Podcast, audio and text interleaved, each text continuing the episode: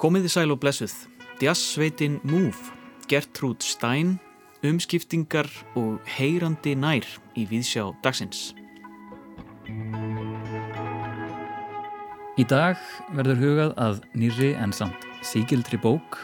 Sjálfsæfisaga Alice B. Toklas kom út í síðustu viku í reytröð unu útgáfuhús síkild samtímaverk.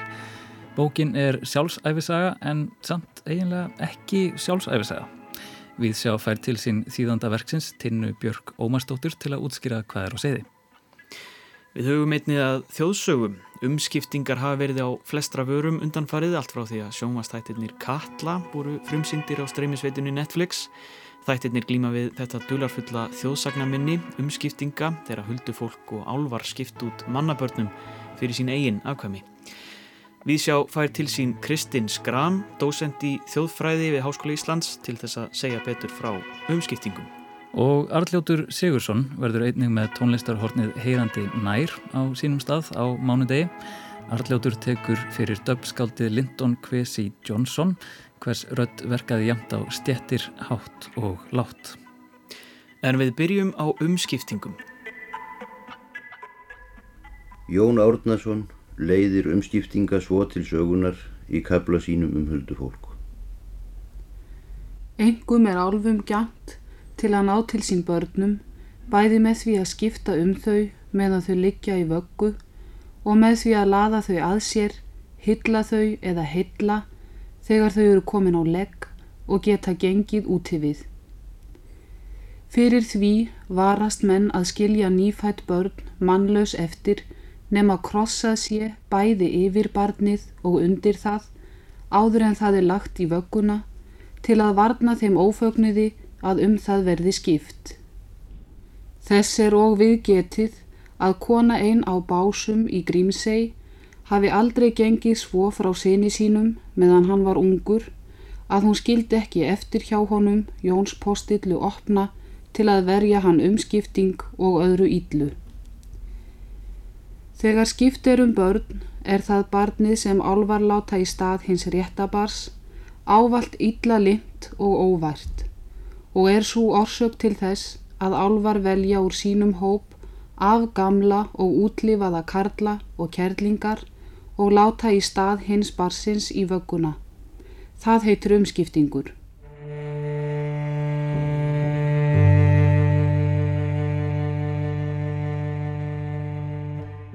Hér heyrðum við örlíti brot úr þjóðsögu þáttum sem fluttir voru í ríkisútarpinu árið 1971 þar sem þau Þorsteit frá Hamri og Guðrún Svafa Svavarstóttir segja frá umskiptingum.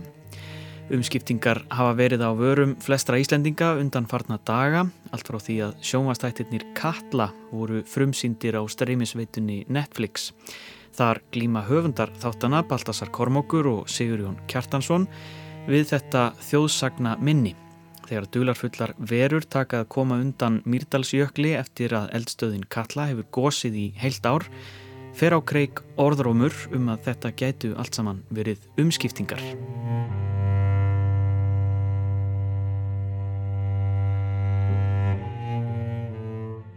Ég heiti Kristins Gram og er dósend í þjóðfræði við Háskóla Íslands. Vertu velkomin í þáttinn. Takk fyrir. Þarna heyrðu við smá brot þar sem að eh, umskiptingum er, er líst. Þetta er fyrirbæri sem að eh, flestir þekkja sem þekkja eitthvað til þjóðsagna. Hvernig lýsu við þessum verum? Hvaðan koma þeir? Já, þetta er mjög áhugavert þjóðsagna fyrirbæri sem hefur kannski ekki fengið mikla fræðilega aðtegli fyrir svona á, á síðustu áratugum og sprettur svona kannski úr tvennskonar jarðvegi það annars vegar svo trú að, að börn um, verði eiginlega ekki að mannesku fyrir að ákveðnum tímaliðnum eftir að hafa verið skýrð og verið svona eitthvað leiti að komast til manns með einhverjum hætti og, og á þessu svona millipsins ástandi að, að um, þá eiga þau að hættu að vera tekin um, yfir tekin í aðbyrja af, af kölska nú yða af huldufólki og, uh, og það er henni jarfiðurinn, huldufólkssagnirnar mm. og það er svona þessi tilvera sem er einhvern veginn uh, allstaðar í kringum okkur í uh, gamla íslenska bændasamfélaginu en þó alltaf utan seilingar nema í þessum fáu undantekningum þar sem að við um, komumst í kynni við þennan handan heim með ykkurum hætti mm.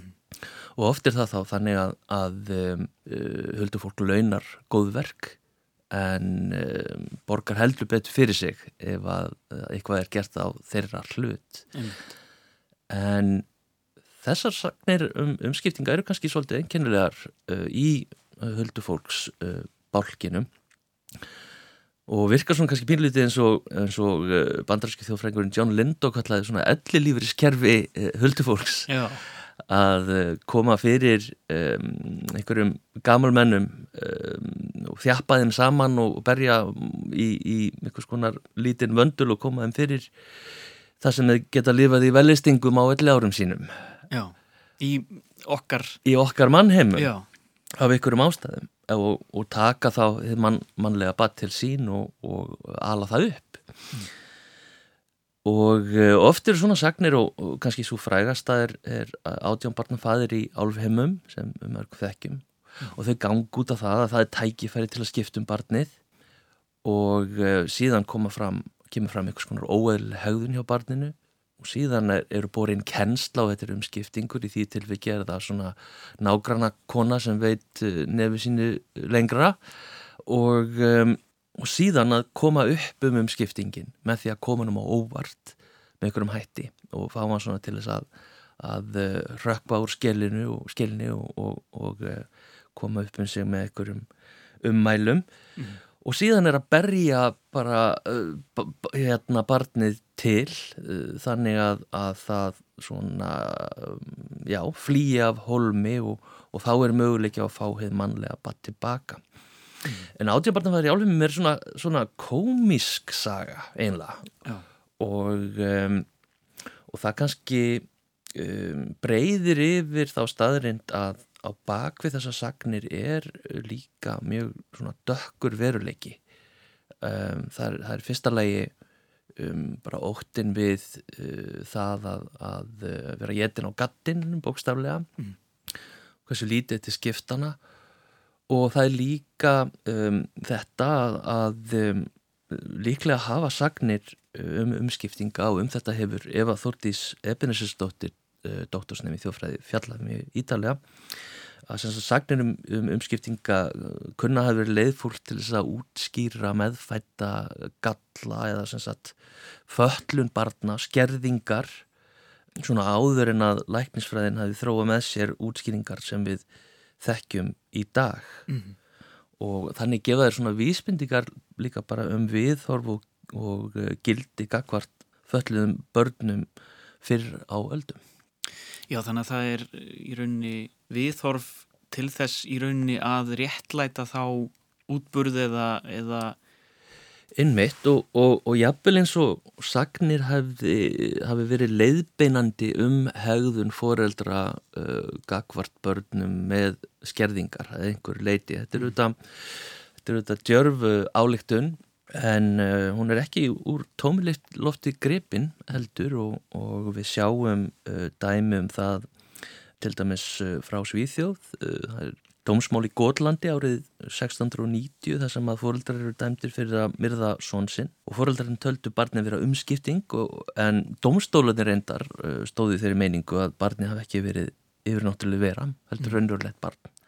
Og, þessi dómur er kannski vittnesbörður um að, að trúin á umskiptinga hafi bara verið nokkur levandi og sterk meðal fólks og, og um, sagnir hafi þá verið eins og fyrirmynd til framkvæmdar um hvað þetta bara gera, þetta er bara að mörka lífið úr, úr uh, barninu Já. en þarna eru greinilega sko líka lærðir menn sem uh, bera kjænsla það að, að, að þetta er sem sagt um, þetta er, er mannlegt barn og, og eh, fall ekki fyrir þessu en við höfum þetta líka hér heima og, og það verðist verið allir með sá 17. öld hafi verið nokkuð staðfjöst trú fólks að, að tilværu einstaklingar sem væri umskiptingar mm. og kemur til dæmis fram í annálaritun Gísla Oddssonar frá uh, um, 1606 mm. og það eru frásagnar af þremur einstaklingum sem eru taldir vera umskiptingar og uh, hann gerir greinagóður lýsingar á líkamlu atgerfi einstaklingana og fer ekki mittla mála að hér er um föllubötn að ræða tvö börn, fimm ára drengur sem sagður hafa líkama fullvaksta kallmanns og 16 ára stúlka sem liggur fyrir og geldir mm. og að þau ger sagt frá unglingi sem aldrei hefur riðsiður ekki og sagður hafa lifað sem umskiptingur í nálega 15 ár eins og gísli kemst að orði mm. þannig að það er greinlegt að umskiptingar er í hugum íslinga svona uh, allavega einhverja raunverulegt fyrir bæri og hafði lifað góðu lífi á, á meðal manna á þessum tíma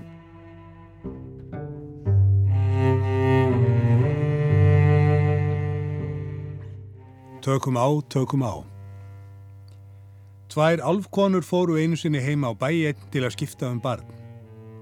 Það er komað þar að sem barnið er sem þær ætluð að taka. Það lág í vöggu. Engin maður var það nærri nema annað barn tvævett. Yngri alfkonan og ógætnari gengur þegar að vöggunni og segir Tökum á, tökum á. Þá segir hinn eldri Ekki má, því meinir á. Kross er undir og ofan á. Tvævettlingur situr hjá og segir frá. Við það fóru þær burtu og fengu ekki aðgert. Bæði sökum krossmarksins sem gert hafi verið yfir vöggunni og undir barnið áður en það var lagt út af, svo vegna hens tvævetra bars er hjá vöggunni satt og síðan sæði frá þessum atbyrði.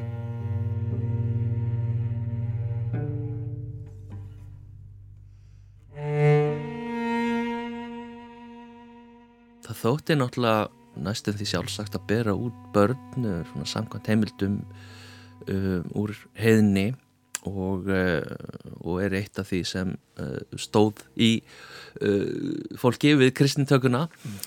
en kannski er þarna líka verið að fást við um, sektarkend og, og svona ákveðin um, huggun eða leið til þess að vinna úr þeim tilfinningum um sem fullori fólku upplifir eh, gagvart eh, börnum sem búa við skerðingar og, og eiga ekki heima í uh, hugmyndaheimi þess tíma þar að segja. Þau, þau fá ekki að vera uh, alvöru manneskjur. Þeim er, er, er gefin uh, svona yfirnáttúrulega enginni og yfirnáttúrulega skýringar. Meiri segja þau börn sem komast til manns og, og byggu við skerðingar og þetta hafa uh, þjóðfræðingar og föllunafræðingar skoðað þar að segja áður en, en uh, föllun verður til sem, sem það fyrirbæri sem við skiljum það í dag mm.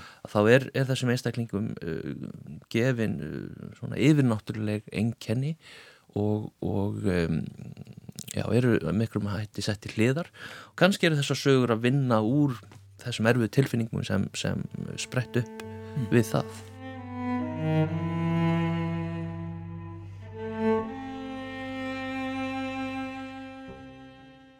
og það er svolítið skemmtilegt án þess að, að já, og kannski ég sendi út svona höskuldar uh, viðvörun ef ég, ég fer nú að vísa í, í þessa uh, þætti köllu sem, sem uh, er auðvitað misjafna skoðanir um og, og, og margt ágætt.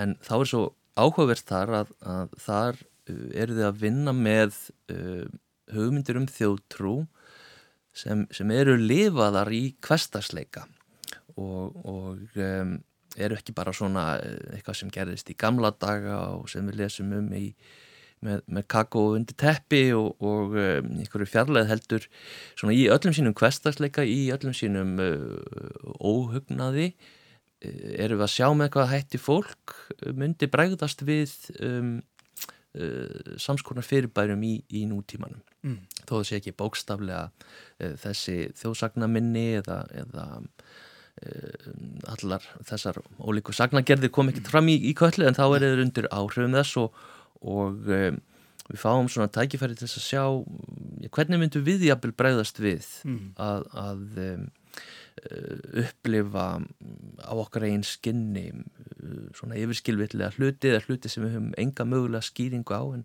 þurfum að grýpa í, í eitthvað. Mm og, um, og, og bregðast við því að, að lífið kallar alltaf á við bregðumst með einhverjum hætti við. Já.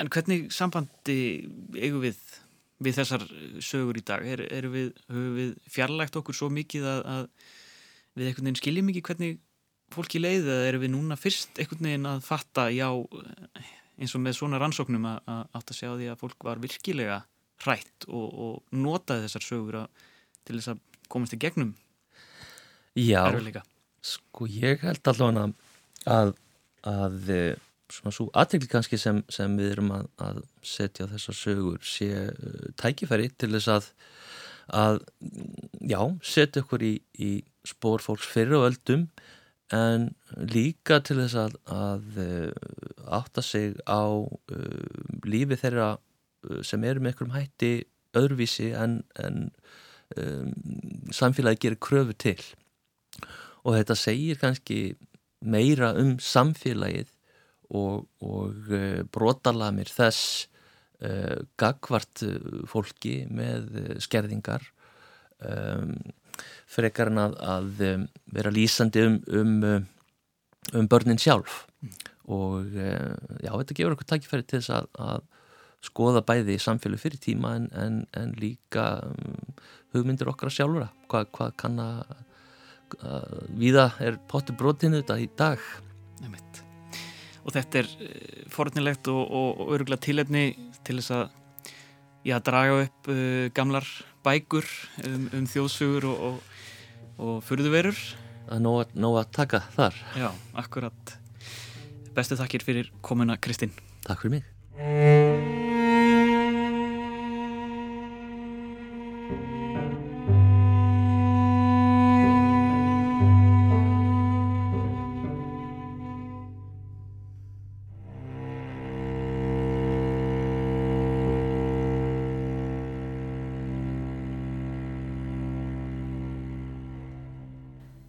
Hildur Guðnadóttir og lægið Tilbaka af blötunni Saman frá árunni 2014. Hildur leitt okkur með tónlist sinni í gegnum umfjöllunum umskiptinga. Þarna var rætt við Kristinn Skram, dósend í þjóðfræði við Háskóla Íslands og við heyrðum líka þjóðsöguna Tökum á, tökum á úr safni Jóns Árnasonar. Þorleifur Haugsson las og var áðurflutti í Vísjá árið 2000. En Arljótur Sigursson er næstur á mælendaskrá með tónlistarhornið Heyrandi nær. Music of blood black, reared pain, rooted that geared. All ten stopped in the bubble and the bounce and the leap and the weight drop. It is the beat of the heart, this pulsing of blood that is a bubbling bass, a bad, bad pushing against the wall with bar black blood. And there's a whole heap of passion a gather Like a frightful farm, like a righteous farm Giving off wildlife is madness. Bad out there. Hotter than the heights of fire living heat down volcano core cultural wave a dread people deal Spirits rise unreal and rise thunder wise. Latent power in a farm resembling madness, like violence is the show.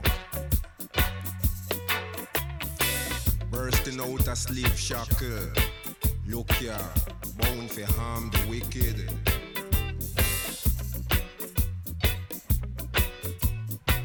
Man feel, him hurt confirm. Man side, destruction all around. Man turn, love still confirm. In destiny shine light wise. So life take the farm, we shift from calm and hold the way of a deadly storm.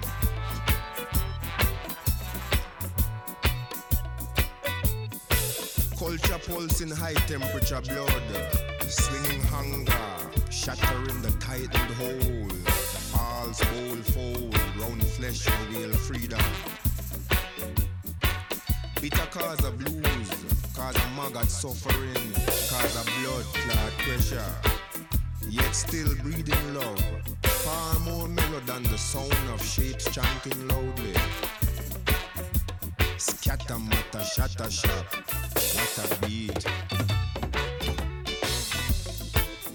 For the time is nigh when passion gather high, when the beat just lash, when the wall must smash and the beat will shift as the culture alter. When oppression scatter.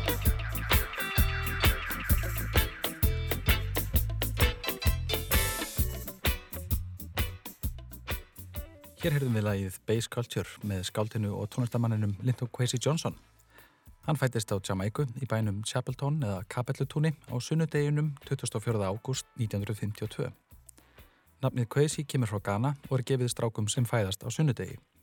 11 ára gamall stuttu eftir sjálfstæði Jamaica flýtur fjölskytta hans og búferlum til London þar sem þau byggu í hinnum viðfræga hverfi Brixton. Við við Bandaríkin þar sem saga afrískra þræla rækti aftur í aldir átti England um margt ólíka samfélagssögu aðflutra og mun stittri í raun.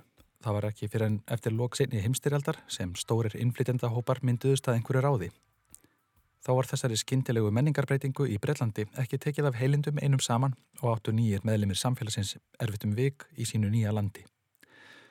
Þeim mættu kerfisbundnir kynþáttafordumar og breytar áttu langt í land með að bjóða hérna nýju hópa velkomna og til að svo væri þurfti óramart að breytast í öllum þjóðfélagsstruktúrnum. Þetta uppliði Lindon á sínum uppvakstar árum í Brixton og meðan hann var enn í skóla gekk hann til liðs við Black Panther reyfinguna í Breitlandi þar sem hann kynntist bókmyndum hörunslitara og menningu forfæðra sinna sem annars var ekkit fjallað um í sögubókum skólakerfisins hver hann annars lagði hart að sér og brilleraði. Johnson fór í framhalsnámi í félagsfræði við Goldsmiths College í London en ekki leið á lengu fyrir en hann fór að flytja við trommu undirleik sín eigin ljóð sem einkindust ekki bara af þjóðfélagslegu raunsægi þar sem stungið var á rasisma kíli heldur tungumálunu sjálfu. Linton notaði sitt móðurmál í jamaikanska patua eða hérna jamaikansku kreóla tungu. Hann fjallaði um brínustu mál nær umhverfusins af djúbstæðri næmni og tjáði stóru tilfinningarnar og kom þeim til skila á jamaikansku tungunni og markaði henni virðingarspor í nýju landi. Í list hans mættust samfélagsleg ádéluljóð og reggitónlist eða þá sérstaklega ósungni hluti hennar í stuttumáli sagt dub tónlist og honum hefur svo verið eignaður tónlistastíl sem kallaður er dub poetry og mér ettum á að segja að hann sé svo kallað dub skáld.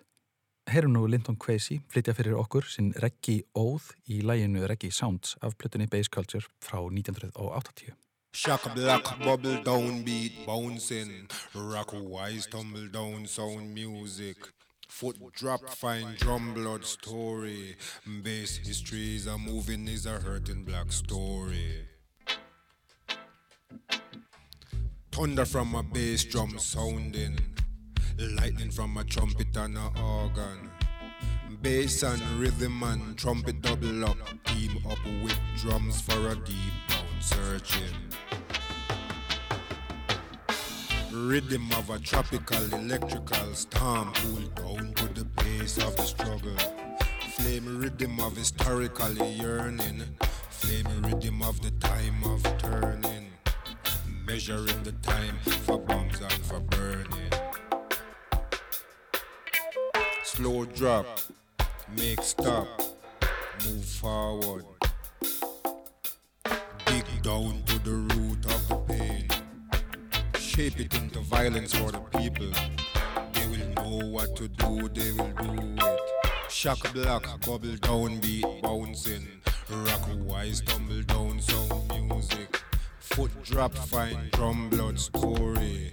Bass is a moving, is a hurting black story.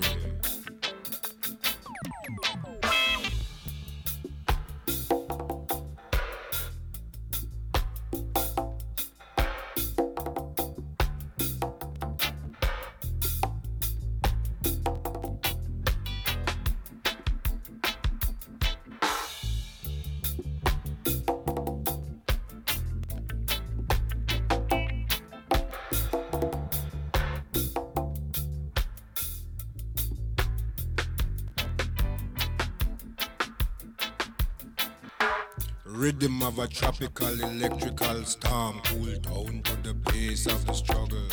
Flame rhythm of historical yearning. Flame rhythm of the time of turning. Measuring the time for bombs and for burning. Slow drop,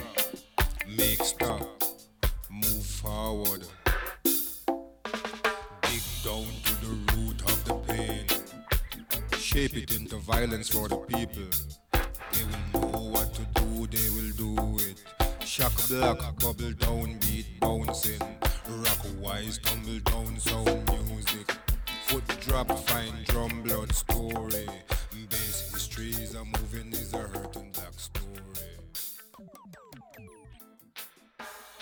Þrátt fyrir að vera ljóðskáld fólksins sem hærðist í subkultúr stórparkarinnar og réttlátt rödd undir málsmanna þá vakti hann einning aðtegli fræðasamfélagsins sem oft hefur undanskilið jáðarhópa í sinni deglu. Hann starfaði mikið í háskólum og varð síðar vinsæll fyrirleysari í virtustu háskólum heimsins. Til margs má nefna að hann var annað núlifandi samtímaskáldi til að vera gefin út í útgáfu Penguin Modern Classics sem annars gefur nánast einungis út eldri rittverk látina ritthöfunda.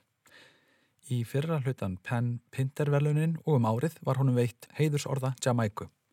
Einnig er hann heiðursprofessor í Middlesex háskólanum og setur í heiðursæti Goldsmith College í London. Heiður á heiður ofan. En hvers vegna heyrist rött hans svona stert þvert á aldur og fyrir í fræðastörf? Veltum því fyrir okkur aðeins og spyrjum. Hvar væri nú sjálfstæði Íslands og þjóðarmenning ef ekki væri fyrir tungumálið og þau verðmætti sem falin eru í bókmentaarfi okkar, hvort sem litið er til Íslandingasagnana eða ettukvæða, til nútímans og Nobelsveluna? Shakespeare staðfesti svo ummunar að ennsk tunga er ríkt skáldamál og áður en Isaac Newton skrifaði byltingarkenda reitgerði sínar á ennskri tungu hafði latina verið aðal vísindatunga breyta. Áður hafði ennskan ekki þótt nú þróið og fullkominn til að geta líst nákvæmum rannsóknari niðurstöðum. Það var einnig bylting þegar fyrsta skosk-enska vísindareitgerðin var skrifuð og þótti það viðurkenna skosk-enskuna sem vísindatungumál í akademíum á alþjóðlega vísu. Linton undirstrykkaði hins vegar kraft orðsins sem hann bar með sér úr bernsku sinni á eigunni heillandi í Karibahavi og síndi það í verki bæði hver sterkur vöðvi hinn jamaikanska tunga er og hver mjúkt hún getur leikið í tali og söng. Hvesi hljóð henni vörðu og gaf henni gildi sem aðrir kúaðir hópar hörunslitaðara í Breitlandi gáttu einkent sig við. Með honum byrtist sterk rött sem tókst einnig að rjúfa ákveðin akademískan múr hvar móðurmál Lintons hafi áður verið fyrir ekkar utangarðs. En svo er eftir allt saman unun að hlusta á tónlistin hans. Hann gaf út fjölumarkar bækur og plötur sem ég mæli með að fólk hlusti á eða hefur gaman af þessum smekkpröfum hér í dag. En nú hvaði ykkur með læginu Want Figo Rave með Linton Kwesi Johnson af plötunni Forces of Victory frá 79. Herandi nær hviður að sinni og þakkar hlust. Góðar stundir.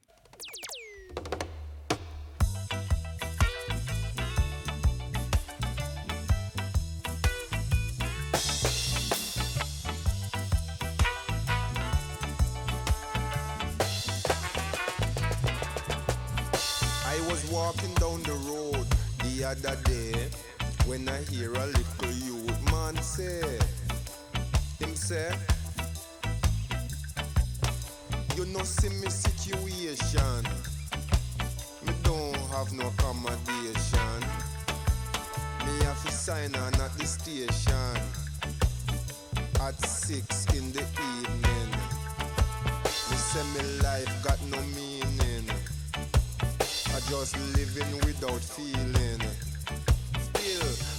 Me make a race, cause me come off age and me want figure real.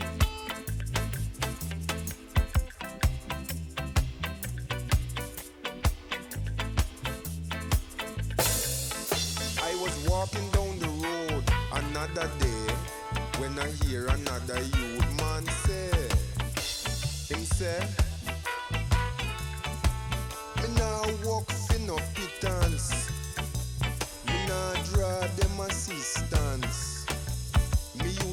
run a little rocket, but what?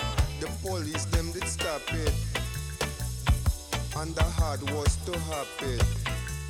Still, me have to make a race, cause me come off age and me want to go real.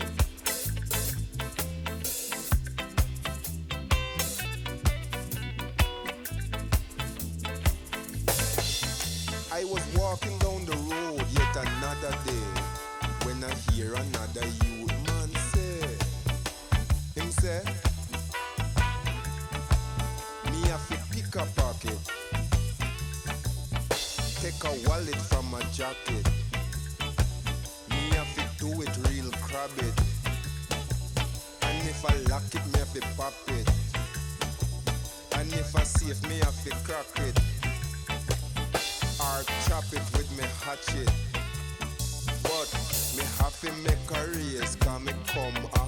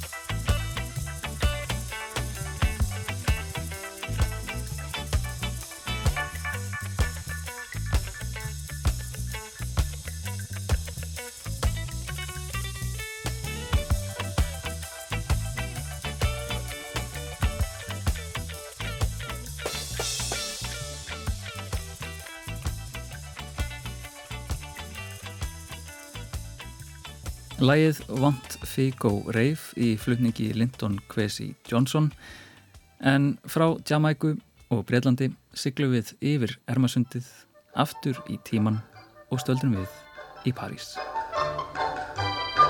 C'est moi qui suis sa petite, son ananas, son ananas, son anamite. Je suis vive, je suis charmante, comme un petit oiseau qui chante.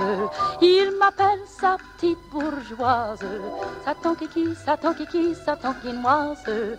D'autres lui ont les douze yeux, mais c'est moi qui l'aime le mieux. Sjálfsæfisaga Alice B. Toklas eftir bandaríska rithöfundin Gertrúd Stein kom út í íslenskri þýðingu nú á dögunum. Það er una útgáfuhús sem gefur út en bókin er hluti af áskriftaröðinni Sígild samtímaverk. Þýðandin er sestur hérna hjá mér. Það er hún Tinna Björk Ómarsdóttir, þýðandi og þýðingafræðingur. Og þessi bók, þetta er svolítið enginlegur hlutur og þetta er sjálfsæfisaga Alice B. Toklas en samt ekki skrifuð af Alice B. Toklas og kannski, það var kannski erfitt að segja þetta sé sjálfsæfisaga um, þar sem hún er skrifuð af Gertrúd Stein uh, Tina Björk, hva, hvað er hér í gangi?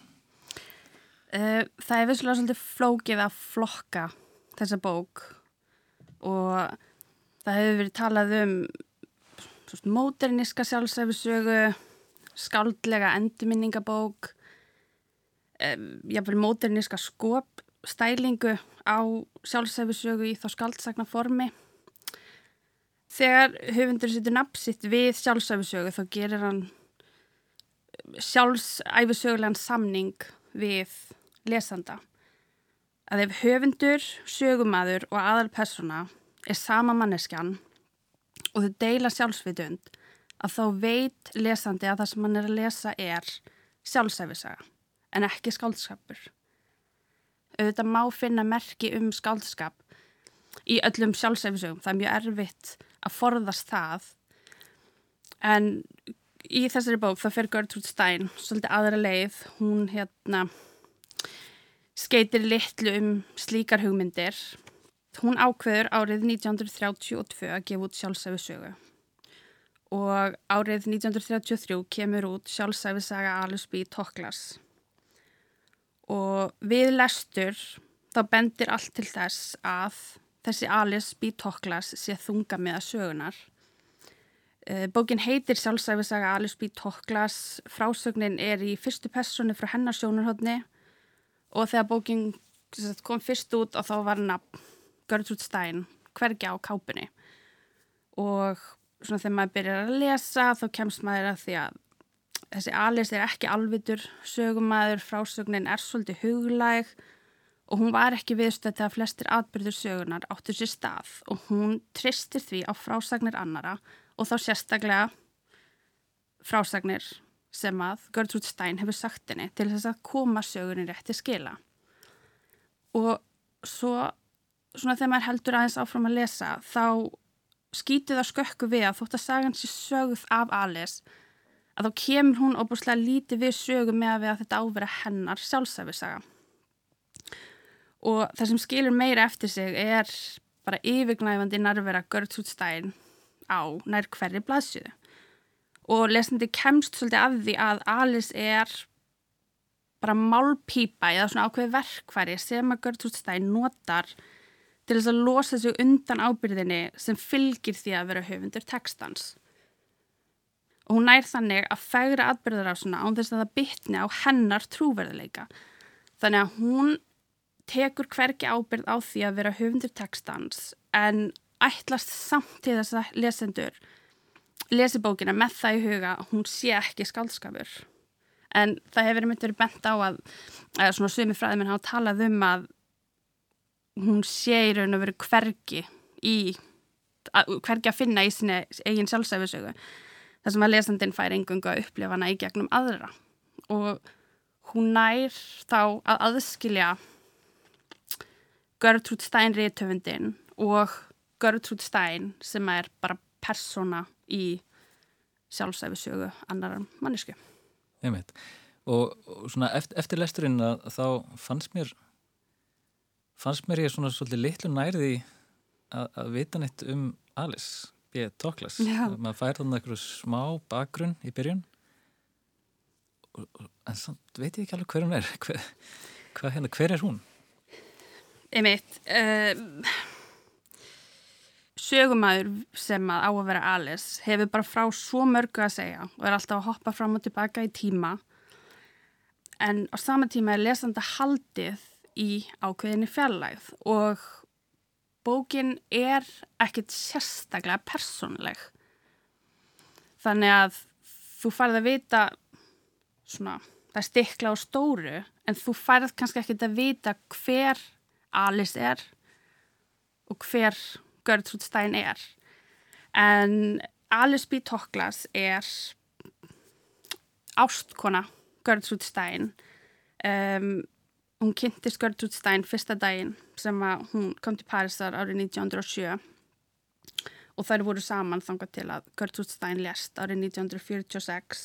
Uh, já, og, og, en það kemur satt eiginlega ekkit fram í þessari bók að þær hafi verið saman. Það er eins og það séður bara mjög góðar vinkonur og, og góður svona kunningir sem ferast um heiminn saman nánast og hérna, af hverju er það svona á huldu í, í bókinni að það séu ástkonur? Sko, ef þegar Alice lest árið 1967 var hún í dánatilkynningum í mist hitlu sem bara sambiliskona, lagskona, lífsfyrirnautur til margra ára. Eh, samkynnegð var feimnismál og þetta viða glæpur og því enginn fyrða þær kannski viki beinum orðum að kynniðsynni eða ofinberðana en bara því fyrir þó bara fjarrra þar hafi falið sambandið og hvernig svona hugum þeirra var háttað. Og Alice er bara greift inn í verkanar og alls það er hægt að finna svona ummerki um hana. Og Gerdur Stein skrifar mikið um lesbísk þemu, lesbísk sambönd, les, bara lýsingar og lesbísku kynlifi og jafnveg fullnægingum og er ekkert að fela sambandið og samkynneið sína og til dæmis gaf út uh, kúbíska ljóðasafnið Tender Buttons árið 1914 sem heitir Viðkominn nappar þannig ekkert eitthvað að mikið Frekar ljóstiðil, Líka með því að skrifa um samkynni ástur undir rós þá kemst hún fram hjá rítskoðun og þá kemst hún sagt, þá er henni ekki tillaður eða það er ekki hugsað um hana sem svona lesbískan ríthöfund og þá hún vildi sem ríthöfundur vildi hún að fólk innblind á rítstílinn sinn og svolítið svona verkin hennar. Og þá komst hún undan því að fólk væri að rítskoða verkin og svolítið svona leita að kannski einhverju sérstöku Já, og kannski þá líka að vera alltaf skilgreindur sem Já. þessi jaðarhöfundur þá. Já. Eða svona höfundur um jaðarsmál. Já, Um, en það er síðan uh, að lesa þessa bók að einmitt, það er hoppa svolítið fram í tíma, uh, svona, svona vaðið úr einu í annað og oft fannst mér ég svona tínast svolítið. Um, ég var komin í stríðið og svo var ég komin fyrir stríðið og svo eftir stríðið einhvern veginn á þreymur fjórum blaðsíðum fannst mér og og, og lendi síðan loksins í atbyrjurásinni og uh, Gertrud Stein hefur svolítið fræg fyrir sinn einn ritstíl, fyrir langar og mikla setningar. Er, er þessi bók gott dæmi um þann ritstíl? alls ekki. Hún hérna, eh, hún byrjaði að skrifa 1903 og skrifaði gríðarlega mörg verk sem að var bara erfitt að gefa út og þegar þau voru gefin út að þá bara hafnaði almenningur og gaggrinendur í raun og veru verkunum, þau þóttu skrítin og flókin og bara mjög sérstakur ritstíl og en hún hafiði bara óbílandi trú á sjálfur sér. Og var í raun og veru bara sjálfskeipaður snillingur. Hún vissi að hún væri góður reytöfundur og vildi svolítið svona öðlast sinn réttmæta sess í módernísku og kúbísku listarhefingunni sem hún hafi tekið greiðlega mikið þátt í og útskýra sig fyrir almenningi og gaggrinendum og áriðin mitt 1932 ákváðan þá skrifa sjálfsæfisögu til þess að verða fræk. Hún vildi að þessi bók erði fræk. Þannig að hún fórnaði í raun að veru öllu sem að einkendi hennar í eitt stíl til þess að skrifa mun aðgengilegra verk heldur en hinn. Já, þetta er kannski svona svolítið eins og tónlistamenn semja slagara fyrir plötu til þess að fara í útarspið og kynna Já. en síðan er restan af plötunni er hugsunin kannski. Um, en hún skrifaði síðan aðra æfisögu, uh, hétt hún ekki æfisaga allra eða Everybody's Autobiography. Jú, hún skrifaði fjóra sjálfsæðisögur í heldina. Fjóra Já, já. skaldsaðisögur, ok. Uh, hefur þú kynntir eitthvað Ég hef ekki lesið hana. Nei. En þær voru líka í svolítið svona einfaldari stíl. Einfaldari stíl. En hvað hérna, hva er þetta sem enginn er uh, ritstílun hennar uh, fyrir utan þessa bók, þess, þessi flókni ritstíl? Uh, sem rithöfundur er hún hugsalega mest þekkt fyrir tilrunir sínar með tungumálið og að skrifa texta sem könnuðu mörg og möguleika tungumálsins. Og hún skrifaði að var sjónræna og taktmyndna texta og hafði sérstakann ritstíl sem hefur verið kallaður Steinís sem er mitt gefur honum svona yfirbræð tungumáls. Og hann einkennist af endtekningum, vitundastreimi, innfaldri orðanótkun, uh, hún var hugfangin af setningum þannig að og fannst fátt skemmtilegur en bara reyna á þolmörk setninga þannig að reyðstilin, það er mjög mikið af svona tilraunakendi setningabyggingu og fáum greinamerkjum. Og vildi í, í grunninn skapa eitthvað í líkingu við það sem kúpistætni gerði og það er oft talað um svona að hún skrifaði það sem að Picasso málaði. Í þessari bóka þá, þá byrjaði svolítið að fá á tilfinninguna að Gertrúd Stein væri svolítið að reykja sér en á sama tíma að hún væri að móta eigin arfleif. Um, stemmir það? Uh, vissulega, hún vildi láta minna sín fyrir reythæfileika sína uh, en hún er í dag meira þekkt fyrir bara persónuleika sinn og það er svolítið svona grín hjá fræðmönum að kalla hana frægasta ólesna reythöfund, bandarískar uh, bókmæntasögu, af því að ólíkt þeim reythöfundum og listamennum sem hún umgegst þá einskorðast fræð hennar ekki við verkin heldur svolítið svona við góðsögnina um hana. Þannig að ekki án sér glimmt endilega langt frá því en eins og ef við byrjum saman við Picasso og Hemingway að þá vissulega góðsögnin þeirra lifir áfram en fólk er ennþá að lesa verk eftir Hemingway og fólk fer ennþá í listasöfn til þess að sjá verk eftir Picasso á meðan hún er mun þekktari fyrir staka ljóðlínur. Rósi, Rósi, Rósi, Rós og það er ekkert þarna, þarna. Og svona ummæli og, og siluettuna hún hlað var feitlægin og rattmikil kona. Þannig að það er svolítið sem lifir og að hafa kallað hérna kynnslöðinu sem gekk í gegnum bara mikla hörmungar og skelvingar í stríðinu og ótti erfitt með að bara aðlægast venjulegu lífi að kalla það týndu kynnslöðina. Þannig að hún er mun þekktari fyrir, þessi góðsögn er mun þekktari heldur en nokkuð tíman rítöfundurinn, Stein og hún er þekkt sem móðir módernismans en hún fann kvorki upp módernisman í kúbisma en minningarnar hefur svolítið varðvist sem mjög mikilvægir hluti af þeirri sögu. Tina Björk, Ómarsdóttir, þýðandi, takk kærlega fyrir að koma í vísjó. Takk.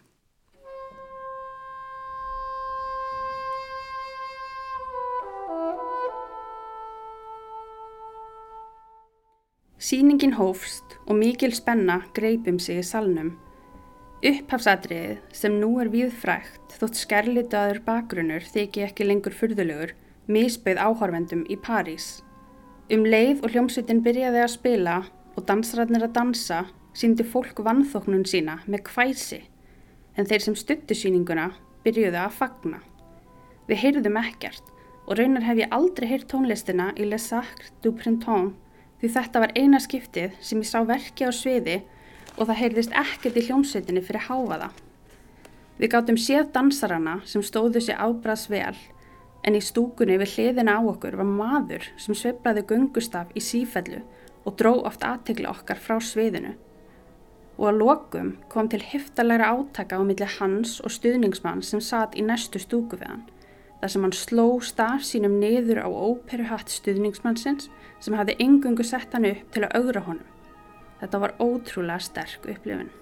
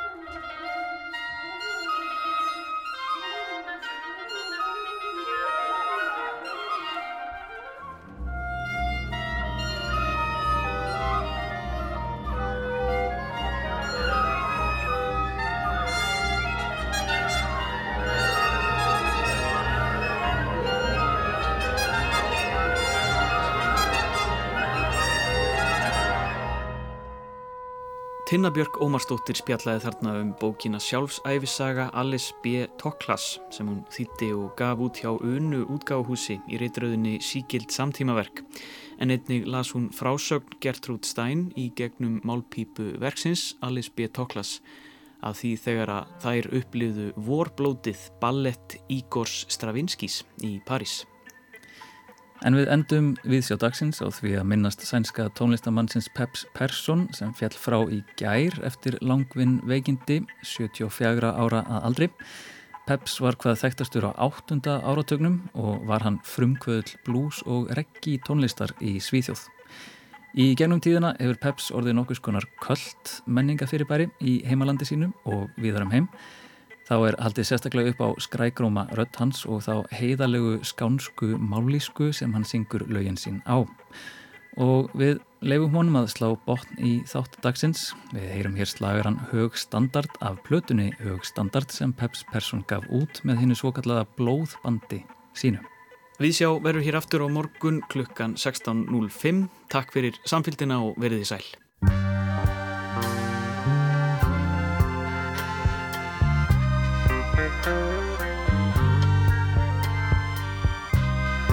Högstandard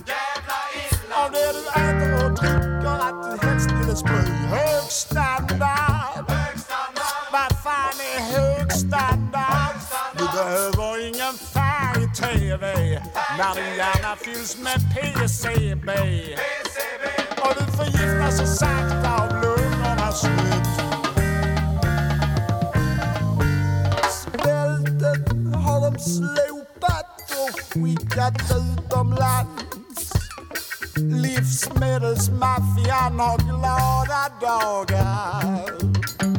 De proppar oss med alla gifter som de har till hands och lever gott på våra stinna magar. Hög standard. Hög standard. Fan är hög standard? Hög standard. Det är inget fel på din aptit. Ändå mår du som en skit. Som en skit. Men du tuggar och tuggar och sväljer din dus. Hög standard.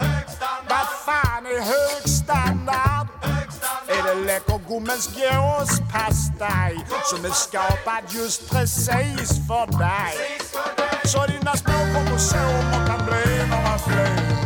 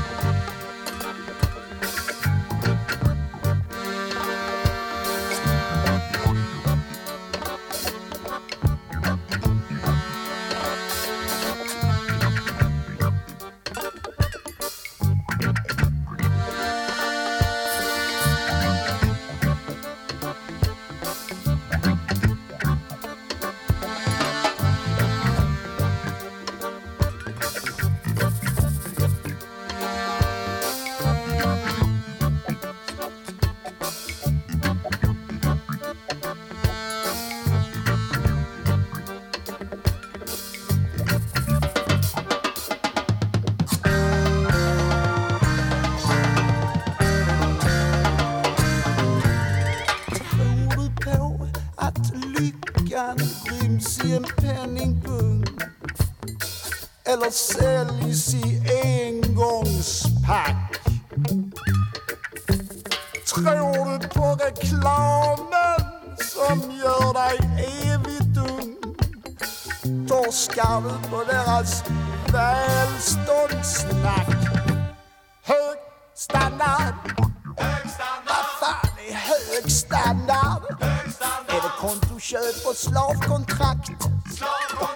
Konkurrens och statusjakt? Statusjakt. Så du blir jagad och jäktad och ensam och rädd. Hög standard. Hög standard. Vad fan är hög standard? Hög standard. Du slösar bort din energi.